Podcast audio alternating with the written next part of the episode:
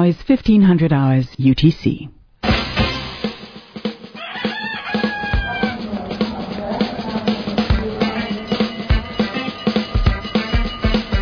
Dutch Horizons Reflections from the Netherlands with Bettina Kroll. Hello and welcome. Dutch Horizons goes underground this week to the sewers of Radio Netherlands' hometown Hilversum to be precise. What's there to see and smell except rats and uh, yucky things, you may wonder? Well, music for one, and the sound of passing subway trains. Sounds intriguing, eh? You're listening to Dutch Horizons from Radio Netherlands with Bertina Kroll. Here's a question for you. Where in Holland could you travel underground through London, Beijing, Odessa and Sydney in four days? The answer is right here in Hilversum. About 20 minutes walk from the huge media park that is home to many Dutch TV and radio stations lies the town centre itself. It's small and rather pretty, and for four days in May it was the venue for the world's first ever sewer festival. That's right, you heard me correctly. Recordings taken from underground systems all over the world are mixed into so-called soundscapes and fed onto the streets through the sewers. Radio producer Willem Davids was the man behind it all, and our brave reporter Kathy Claxton donned a hard hat and took the A-train to meet him.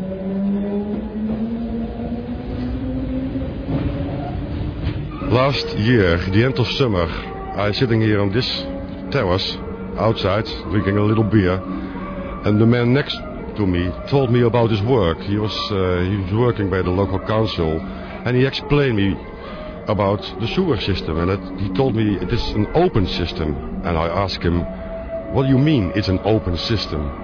So does that mean that if I yelling in one little hole here on the street, boo, I can hear it 20 meters at the other hole? And he said, yeah, maybe. So if it is what he says, I can put in some sound. And we can hear it all over the streets. And maybe the other street too. Later on for yeah, what kind of sound? I was thinking, what kind of sound? Just music or... And after a while, van, no, of course, I need the sound of, of the underground, the metro stations and the metro artist. It remembers me of Paris when I'm working in, in, on the street in Paris and the, the metro passing by underneath me. And I like to, to make that kind of world. And so the world's first ever sewer festival began to take shape. I asked Willem to explain where the sound actually comes from and how it gets into the sewers and out again through the gratings on the street. I've built in a speaker in the sewer system, in the rainwater sewer system here in the center of Hilversum. Hilversum is a little village. We have two shopping streets. My CDs and my, my amplifier is in the local bar in the center of Hilversum, so it is very near the loudspeaker. I have two CD players, an amplifier and a little table, a little mix table. And with a cable goes down under in the floor and to the inspection manhole, yes. And there I have built in my loudspeakers. I like to have built an imaginary world down under. So the people are walking here on the street, are shopping. They get a feeling, I hope, from wow, we have a metro now these days.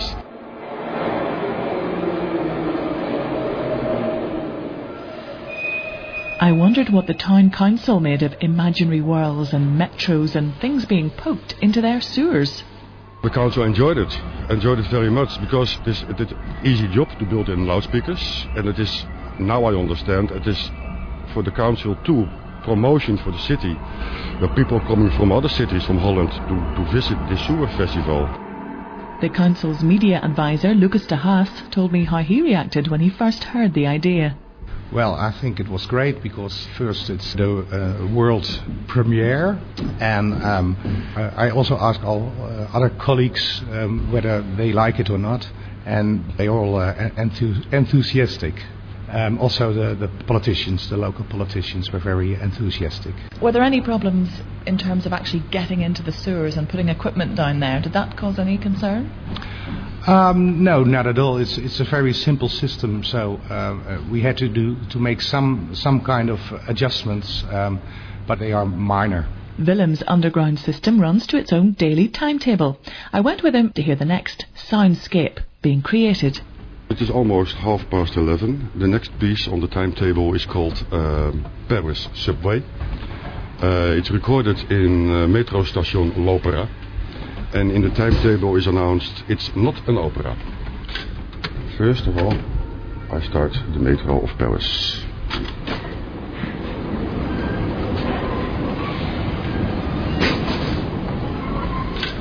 And the atmosphere of uh, L'Opera is recorded. It is called accordion.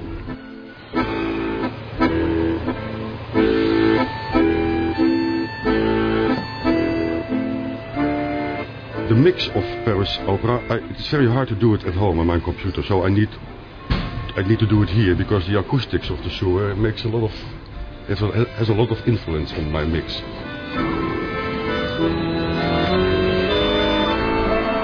So people at street hearing now the metro of Paris.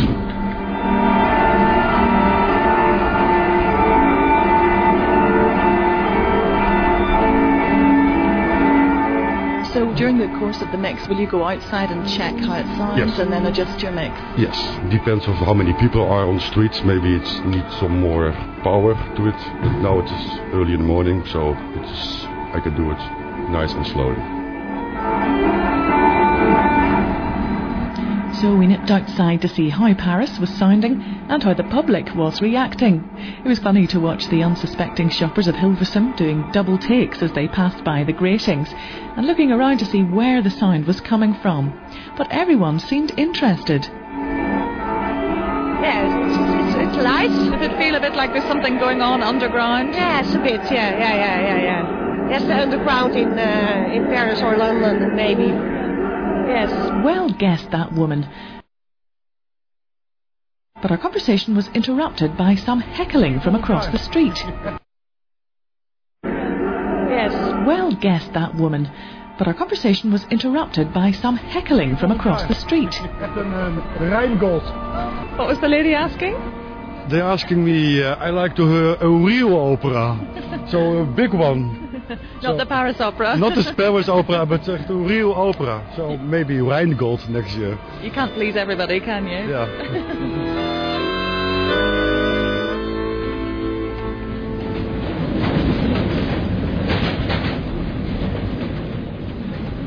Back inside, I asked Willem where all the recordings came from. Paris is a few years ago when I was there. London, but London I recorded 20 years ago.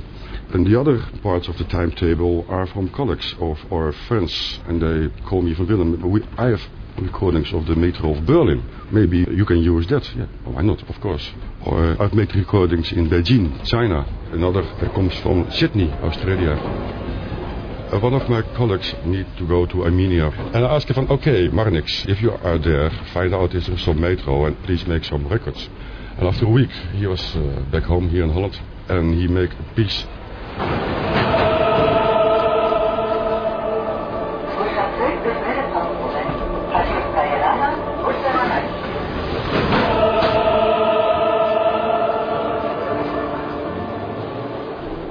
Willem set up a website to promote the festival, with photographs added every day, as well as footage of Willem's numerous appearances on local TV and radio. The website attracted comments from all over the world, and even a contribution. I received a reaction by email from somebody of uh, America. His name is Erik Belgum, and he is very famous sound artist and composer, and making sound sculptures too. And he found out, I don't know exactly how, about this sewer festival. And he announced from Willem, I've maybe a piece that you can use for your sewer festival. It is a piece I've recorded a few years ago in my hotel. And the room next to me are two people, a man and a woman, and are fighting for hours. I make a radio play of it. Maybe it's good enough for your sewer festival. I suppose I while. should relax once in a Yeah, while. sometimes. Man, shut up. After a few days, I decide I do it. Every Thursday we have shopping eve, and that means that the shops are open till 9 o'clock. So yesterday it was shopping eve, and I put on the fight, in English, fight, in the sewer here in Hilversum. Ah! And that was an amazing effect. I wish I could you know, just relax, relax once in a once in a while, while. I and I, suppose wish I you would could just blow it off sometimes. Stupid. When I speak up, listen up to me, okay? Okay. Yeah. Might some people find the notion of sound sculpture perhaps a little challenging?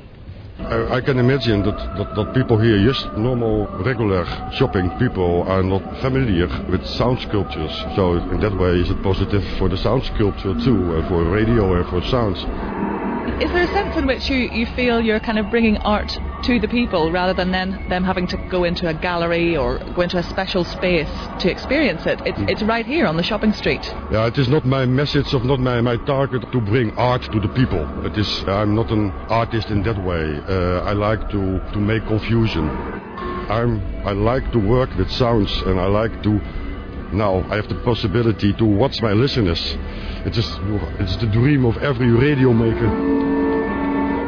Excuse me. Can I just ask you what you just came over to, to pick up a timetable? You're not aware of what was going on? No, no. Uh, I just hear it. I think, where did it come from? And what does it sound like to you? What does it make you think of? I don't know, really. It's really strange. Tell me what you thought when you walked past. I was shocked. I didn't know what happened. Did you were you looking around to see where the yeah, noise was coming yeah, from? Yeah, yeah. I was uh, really shocked. No, yeah, don't know what it is. What does it make you think of when you hear it? Yeah, it's a bad, uh, a bad orchestra.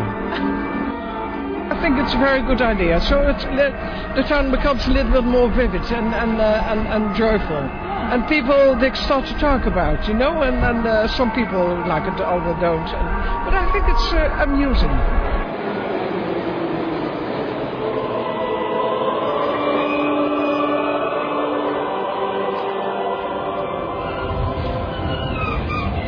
So, with the last train about to pull out of Hilversum, is another festival already, as it were, in the pipeline?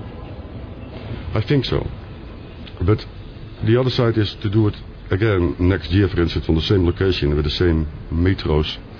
It's, I'm repeating myself. And I think over what can I do more? What can I do something else? Uh, can I use other other systems? I don't like to repeat myself. I like to use the the support of the local council here and the support of my friends, my network, to do another experiment. To make confusion here in the center with sound.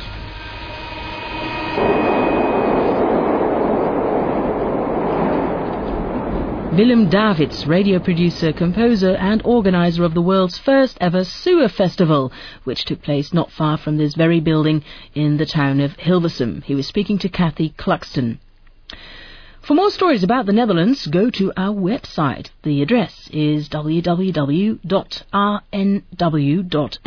slash Dutch Horizons. That's www.rnw.nl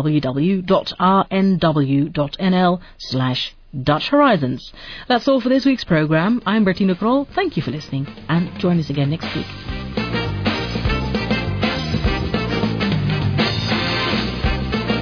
Dutch Horizons is a Radio Netherlands presentation.